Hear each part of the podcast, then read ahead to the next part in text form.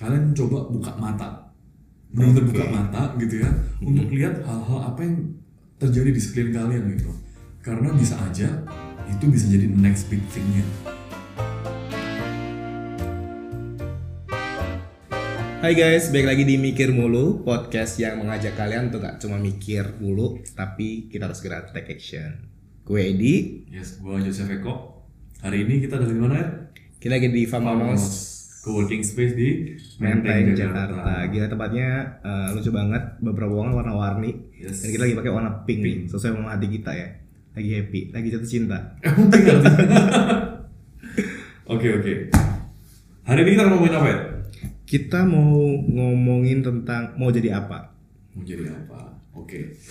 Buat topik ini sebenarnya gue punya pertanyaan ya. Untuk memulai topik ini gue punya pertanyaan. Hmm. Ya, kita, gue yakin udah pernah nonton Avengers kan? Yes. Di mana ada scene mereka semua para superhero ini balik lagi ke eh, zaman sebelumnya itu untuk cari stone-stone itulah. Ah, nah, ah, ah. Em, pertanyaan gue gini ya, kalau misalnya lu punya mesin waktu dan lu bisa balik ke umur lu yang 20 tahun, kira-kira pesan atau message apa yang akan lu bilang ke Edi Hartono Lim umur 20 tahun? Oke. Mengenai eh, mau jadi apa gitu ya, career path. Mau jadi apa? Berarti tentang tentang kehidupan kita, kerjanya seperti apa Yes, gitu yes, ya. betul. Kalau sebenarnya gue itu uh, di umur 20 tahun sebenarnya gue udah tahu nih gue tuh mau jadi apa. Oke. Gue ngambil jurusan teknik industri karena gue mau jadi bos. Bos, ya. Gue pengen bikin pabrik ceritanya. Nah, eh, tapi ada satu hal yang sebenarnya pengen gue kalau bisa balik lagi ke masa lalu dan gue bisa ngomong ke diri gue. Eh, sebenarnya gue pengen ngomong tentang lo tuh harus mau coba banyak hal. Karena karena kenapa? Karena eh, gue tahu plan gue mau jadi bos. Gue tahu gue harus ngambil jurusan apa. Gue harus tahu belajar dengan benar seperti itu. Tapi ya udah, gue cuma kuliah dan belajar aja supaya supaya tujuan gue tercapai. Gitu. Tapi eh, di suatu sisi gue nggak memper mempertajam atau memperlebar eh, skill gue yang lain kayak ngomong depan orang or kayak hal-hal gue nggak pernah coba hal baru sih jadi gue kuliah ya kuliah gitu Oke. Oke. jadi kalau menurut lo kalau lo sendiri gimana kok Kalau gue ya, jadi cerita gue agak beda nih. Kalau dulu lu umur 20 lu lagi kuliah, gue nggak pernah kuliah. Wow, baru tahu nih. jujur, gue nggak pernah kuliah. Jadi umur 18, gue langsung pindah ke Jakarta dan setelah itu gue langsung mulai uh, kerja. Um, jadi umur umur 20, jadi gue udah kerja selama 2 tahun di sebuah agensi, agensi Oke. multinasional. ya. Oke. Um, so kalau gue punya kesempatan untuk balik umur 20 apa yang akan gue ngomongin ke Eko umur 20 gue kan bilang terbuka dengan banyak hal ya dan berani coba sama dong berarti banyak Ya, coba yes tapi gue mesti karena zaman dulu gue nggak terbuka dengan banyak hal gue nggak tahu kan mana yang gue mau coba gitu Hmm. makanya kalau gue step gue pertama adalah lu berani terbuka eh, lu harus tahu banyak hal dulu kemudian kedua lu mesti, mesti berani coba hmm. karena kalau enggak, kalau lu kan udah tahu tuh, enaknya lu udah tahu. Kalau gua zaman dulu, gua mau kuliah apa gitu. Eh, tadinya pengen jadi bintang film eh terus nggak jadi. Gitu. Gua pesan gua tadi, lu gua harus tahu banyak hal dan berani coba. Gue penasaran sebenarnya sih kan lo tadi bilang di umur 18 tahun lo kan dari Surabaya Betul. di umur 18 tahun and then lo pindah ke Jakarta apa sih yang memotivasi lo untuk pindah ke Jakarta sebenarnya Motivasinya sebenarnya agak terpaksa kan, karena gua menarik. dulu nggak bisa sekolah karena keterbatasan finansial. hmm. makanya eh, menurut gue itu jadi blessing in disguise karena em, apa namanya gue mesti datang ke Jakarta secara terpaksa tapi dari situ sebenarnya perjalanan karir gue dimulai gitu Oke. lebih cepat empat tahun daripada orang-orang yang lain Hmm. gitu. Jadi kok di umur 20 tahun lo bekerja pertama di advertising agency betul. terus then gimana tuh ceritanya sampai sekarang? Ya gue sih perjalanan karir gue cukup berpindah-pindah ya. Hmm. jadi mulai dari gue tiga tapi selalu jaraknya tiga tahun. Jadi gue pindah gue kerja dulu di advertising agency selama tiga tahun. Yes. Kemudian gue masuk ke branding agency juga selama tiga tahun. Kemudian gue masuk ke client side tiga tahun juga sampai akhirnya 2000, 2016 gue memutuskan untuk uh, build my own business gitu. Itu patternnya gimana kok? Emang sengaja tiga tahun tiga tahun tiga tahun atau? Ya karena pada waktu itu gue setelah gue pikir-pikir lagi gue um, cocok dengan apa yang um, uh, Gary Vee omongin gitu. Jadi di umur 20 itu gue mencoba untuk coba banyak hal Oke. gitu. Uh, makanya gue coba di agency gue coba enam tahun kan Um, tapi setelah enam di tahun ke lima tahun ke enam gue sebenarnya udah tahu bahwa gue mau jadi entrepreneur Hmm. makanya setelah itu perjalanan karir gue yang ketiga perusahaan ketiga adalah perusahaan client side yang gue pengen belajar end to endnya tuh dari A sampai dari A sampai Z bagaimana produk raw material sampai produk jadi di tahun berikutnya uh, season berikutnya gue entrepreneur tuh Hmm. jadi sebenarnya gue masa coba-coba itu gue sekitar 5 sampai 6 tahun tuh. Gue pengen jadi apa ya, gue pengen jadi apa ya gitu. Hmm, Kalau gue udah tahu kan, pengen jadi bos. Kalau gue 5 6 tahun gue pakai untuk coba banyak hal tuh gitu. Oh, gini gue pindah gitu. menarik menarik. Tapi ya tadi nanti pindah-pindah. Kalau lu Kalau pindah-pindah nggak sih? kalau gua eh, karena gue pengen ta- tahu lah gua mau jadi bos. Eh, se- lulus kuliah, Nah, gue karena gua nggak punya pengalaman langsung, bokap gue juga nggak punya pabrik. Jadi gue harus belajar dulu ke orang dong, gitu kan. Gue belajar ke orang, gua mau eh, punya perusahaan yang eh, FMCG gitu lah, yang fast moving Ya. atau perusahaan plastik lah ceritanya. Jadi gua gua masuk ke satu company uh, FMCG group gitu, terus ke gua gua kerja di situ. Tujuan gue cuma satu sih. Gue pengen belajar sistemnya mereka bangun pabrik itu seperti apa, bikin pabrik itu seperti apa, handle orang seperti apa gitu kan. Uh, sering berjalan waktu setahun dua tahun terus udah pengen banget tuh pengen oh kayaknya bikin pabrik kecil-kecilan tuh seru ya. Kita mau jaga kecil-kecilan nggak usah gede-gedean lah. Nah tiba-tiba kayak pernah kita obrolin juga di mikir mulu episode 6 nah. saat uh, depresi bokap gue bangkrut jadi gue kayak oh oke gue nggak bisa nih bikin pabrik. Gue nggak punya modal. Karena gue dulu anggapannya adalah gue bisa minta bokap gue pak bayarin dong mau bikin pabrik gitu kan. Ternyata nggak bisa. Nggak bokap gue bangkrut. Ceritanya berbeda. Dunia runtuh tuh. dunia ya. kayak tiba-tiba runtuh gue tapi gue mau bunuh diri kan ceritanya. Jadi eh, ya udah. Gue beralih kayak gue mikir lagi kayak aduh gue pengen jadi apa ya? Gue gue nah tadi gue bilang kesalahan gue adalah gue tidak mencoba banyak hal. Ya. tapi setelah setelah setelah di situ eh gue berpikir oh, gue jadi mau jadi entrepreneur juga di umur 26 juga kayaknya 26 27 lah tuh jadi entrepreneur. Ya udah gue membuat Fosfoyer Masih. gue mau membuat si ini. Tapi di di di situ juga gue nggak nggak mengequip diri gue dengan belajar banyak hal. Gue cuma oh gue tahu eh, foto gue tahu ini kayak konten jadi lahan bisnis yang bagus nih gitu kan. Terus gue dari situ ya baru di situ proses gue untuk belajar. Makanya kalau gue disuruh balik lagi ke umur ngobrol ngomong ke diri gue di umur 20 tahun gue akan ngomong kayak tadi lo tuh harus banyak mencoba dan banyak belajar Tapi berapa perusahaan sampai lu jadi sampai sekarang? gue cuma seka- satu doang sih satu ya. satu doang Gue karena gue berarti gue tiga kam satu dua tiga tiga company gue. Tapi kalau apakah lu sebenarnya pro atau cons untuk Berpindah-pindah company? Berpindah-pindah. gue nggak suka sih sebenarnya gue kontrak sama orang-orang yang suka berpindah-pindah company Kenapa? karena menurut gue kayak Menjadi salah. kayak kayak kayak gini loh Eh, mungkin kalau misalnya kayak case nya kayak lo lo mencari pengalaman tiga Iya, iya. tahun tiga tahun kan ada waktu lah di situ lo untuk belajar gitu kan. Tapi kan sekarang banyak banget orang yang pindah company gara-gara eh gue eh, butuh duit nih. Hmm. jadi cuma kerja setahun atau enam bulan dia pindah lagi. Karena gue pernah ada gue ada temen gitu kan. Dia kerja di perusahaan A. Iya. terus dia pindah lagi ke perusahaan B. Terus dia pindah lagi ke perusahaan A lagi. Terus dia pindah ke perusahaan C. Iya, iya, gitu iya. loh jadi menurut gue kayak tidak tidak punya lo, tidak loyal lah sebagai Iya, iya, iya. sebagai karyawan satu. Dan eh, lo mau experience-nya mau se- segimana gitu loh. Iya, iya, gitu. Loyal mungkin ya, tapi loyalnya ke loyal mungkin ke duit Duit, betul. iya. setuju setuju. Tapi ya gue juga punya teman. Cuman eh, kalau gue orangnya lebih gue pindah-pindah karena gue tahu sih em, apa namanya gue pengen dapetin pengalaman gue dapet pengen dapetin wisdom gitu instead of money. Karena gue nggak tahu dibohongin atau enggak gitu ya. tapi zaman dulu itu sebenarnya ketika gue kerja di sebuah perusahaan setahun aja gue udah pengen cabut hmm. tapi setelah waktu itu bos-bos gue selalu bilang lu itu kalau di perusahaan lu minim dua tahun dua tiga tahun tiga tahun yes karena apa? Lu kalau cuma setahun, apa yang mau dapetin gitu kan? Eh, dan gue selalu diajarin untuk bentingin pengalaman, wisdom, knowledge instead of money karena umur gue masih muda. Itu yang gue pegang sih. Jadinya gue bukan pindah karena pengen cari duit, tapi pengen dapetin ilmu yang baru gitu. Makanya gue pindah. kalau kalau sekarang kan banyak kalau sekarang banyak startup startup gitu kan yang Hmm. bagus-bagus yang keren-keren gitu. Menurut lo nih, Hmm. menurut lo nih kok eh, orang berpindah Hmm. bisa karena pride nggak?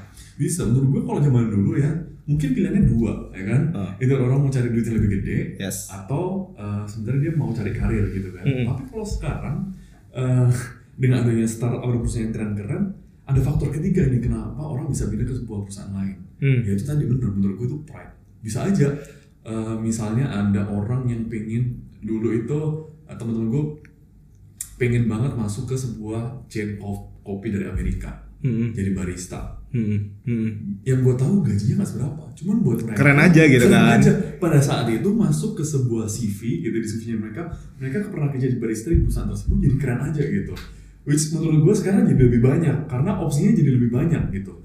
Banyak perusahaan asing masuk ke sini startup startup sekarang keren keren Dan gaji juga gede, plus gaji juga gede gitu. Kan fasilitasnya oke. agree gitu. Meskipun banyak startup juga akhirnya banyak yang fail kan. Cuman menurut gua opsi ketiga tadi banyak orang juga mau pindah kan karena pride gitu.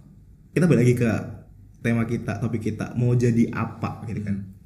Berarti lo setuju dengan berpindah-pindah, tapi harus ada ada jangka waktu tertentu. betul kayak tadi kan gua on berarti 2013 2008 du- eh, umur 28 gua akhirnya decide untuk gua Entrepreneurs.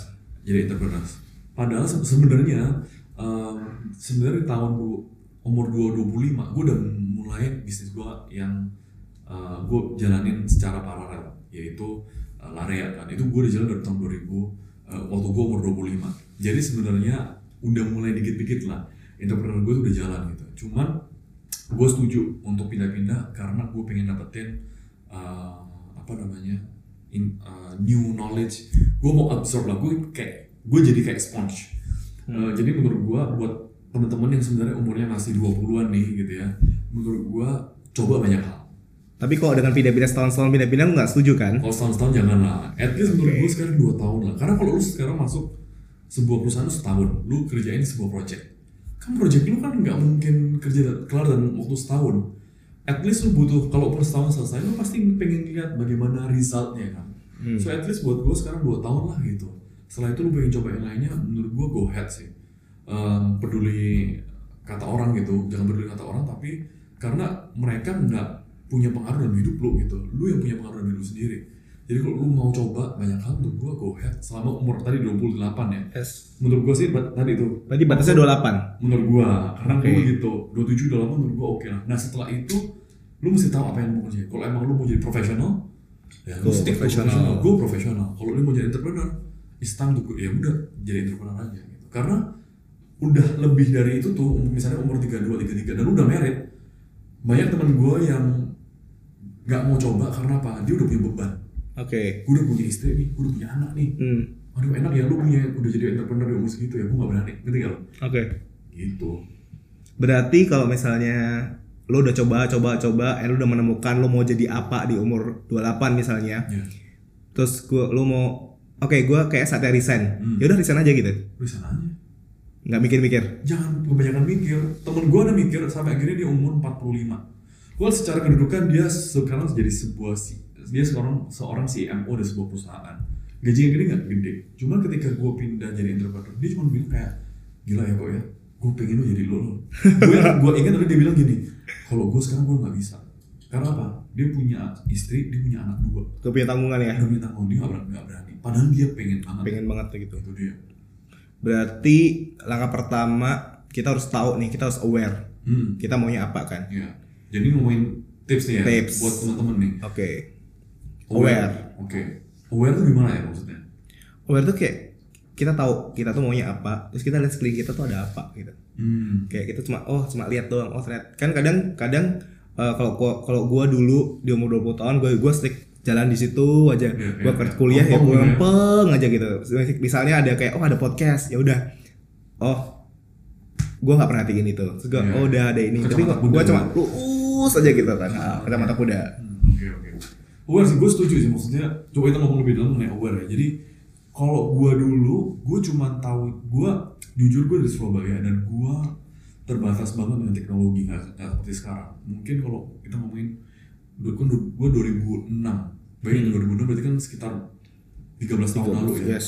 sekitar gue SMP SMA gue nggak pernah terbuka dengan in, apa informasi-informasi yang kayak ya apalagi digital zaman dulu apa sih digital taunya dulu internet gitu kan yang Hmm. masih kalau colok internet juga suaranya tenor gitu gitu kan. Em, gua nggak pernah tahu sebenarnya di dunia luar tuh ada apa aja gitu. Ah, makanya eh, menurut gue sih kita mesti aware dengan apa pun itu ya mesti misalnya sekarang ada yang lagi ramai misalnya blockchain.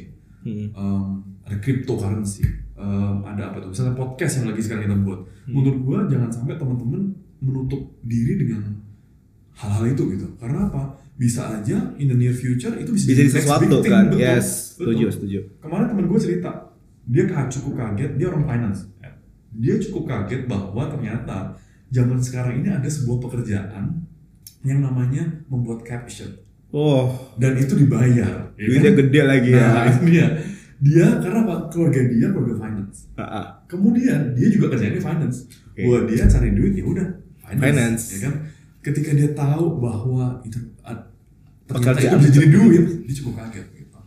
Hmm. makanya menurut gua sih buat teman-teman ini langkah praktisnya kalian coba buka mata. Benar-benar Oke. buka mata gitu ya untuk lihat hal-hal apa yang terjadi di sekeliling kalian gitu. Karena bisa aja itu bisa jadi next big thingnya. Hmm. gitu. Itu tips nomor satu. Nomor satu. Nomor dua apa kok? Nomor dua kita mesti punya willingness yes. Ya kan? Yang tadi A ini sekarang W. Kita punya willingness Hmm. untuk eh, mau terbuka dengan hal baru tadi. Jadi kalau tadi menurut gue kalau kita cuma aware tapi setelah itu kita nggak peduli dan kita ya udahlah kayak tadi lu gitu ya. Lempeng aja ngerjain ya nggak bisa gitu. Jadi lu mesti punya effort. Willingness bicara mengenai ada effort yang lu lakuin untuk belajar mengenai itu. Sekarang kan terbuka tuh banyak kursus lah banyak eh, apa namanya kelas-kelas informal lah itu menurut gua apa salah, salah satu sarana yang kita bisa pakai harganya juga nggak nggak terlalu mahal dan kita juga bisa belajar dari podcast dari YouTube Betul. banyak hal yang bisa kita pelajari secara free, free gitu setuju ya kan jadi menurut gua kita mesti punya willingness atau effort yang kita lakukan untuk belajar tadi sih gitu. Hmm. yang terakhir nih nggak cuman aware Hmm. nggak cuman membuka nah punya willingness kita harus actionnya. Coba. Harus coba. Nah, kalau gue tadi sebelum masuk ke coba sebelum masuk ke coba itu apa? Gue kan lu ngomong willingness ya. Kalau menurut gue gue bikin namanya, namanya ABC aware buka dan coba. Lebih gampang diingat gitu. Bisa. Aware buka dan coba. Iya, iya, oke. nah coba pernah pengalaman cobanya gimana kok?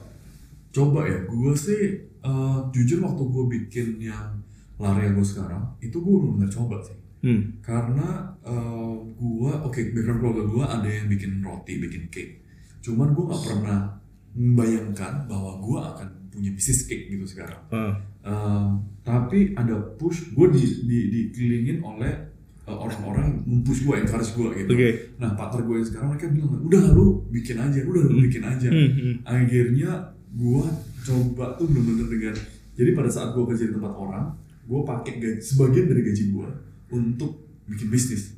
Jadi sebagian gaji gue gue pakai untuk ngegaji orang di bawah gue gitu. Oke. Di perusahaan yang lari itu, lari itu pada saat awalnya itu. Em, lu sacrifice banyak hal dong itu ya? Banyak banyak banyak yang gue sacrifice akhirnya. Tapi ya eh, sampai sekarang bisa bertahan gitu. Dan eh, sekarang gue punya planning untuk ngegedein lebih lagi gitu. Eh, tapi ya gue berani coba ya gitu. Gitu. Kalau lu? Sama lah. Coba coba bikin fosfoyer ini aduh. Kita nggak gimana ya kita nggak punya ini ya nggak punya nggak punya gua teknik industri Widam teknik elektro kita nggak punya knowledge tentang marketing digital marketing kita harusnya coba. harusnya bikin toko bikin toko servis ya coba coba belajar gitu. coba eh, ya kalau nggak coba kita nggak tahu sih. Iya. ya kan kalau misalnya misalnya nih gue punya gue juga punya teman gitu kan. Eh gue pengen bikin ini nih gitu. Tapi gue gue takut gitu kan Duh sebenarnya apa sih yang gue takutin soalnya orang Indonesia orang Indonesia tuh kebanyakan suka mendp masalah menurut gue mendp masalah adalah? Mendp? mendp masalah Gimana? jadi masalahnya belum ada dia udah takut duluan oh iya iya kan Mendep, jadi masalah belum ada udah takut duluan tuh. Nggak- DP jadi itu yang membuat tidak berani coba iya iya. Nah, tapi eh, dulu gue juga kayak gitu. Hmm. Aduh, gua takut ini, aduh gua takut itu. Tapi ketika coba dijalani bisa-bisa aja sebenarnya. Takut gagal gitu Takut ya. gagal. takut gagal kan. Takut gagal.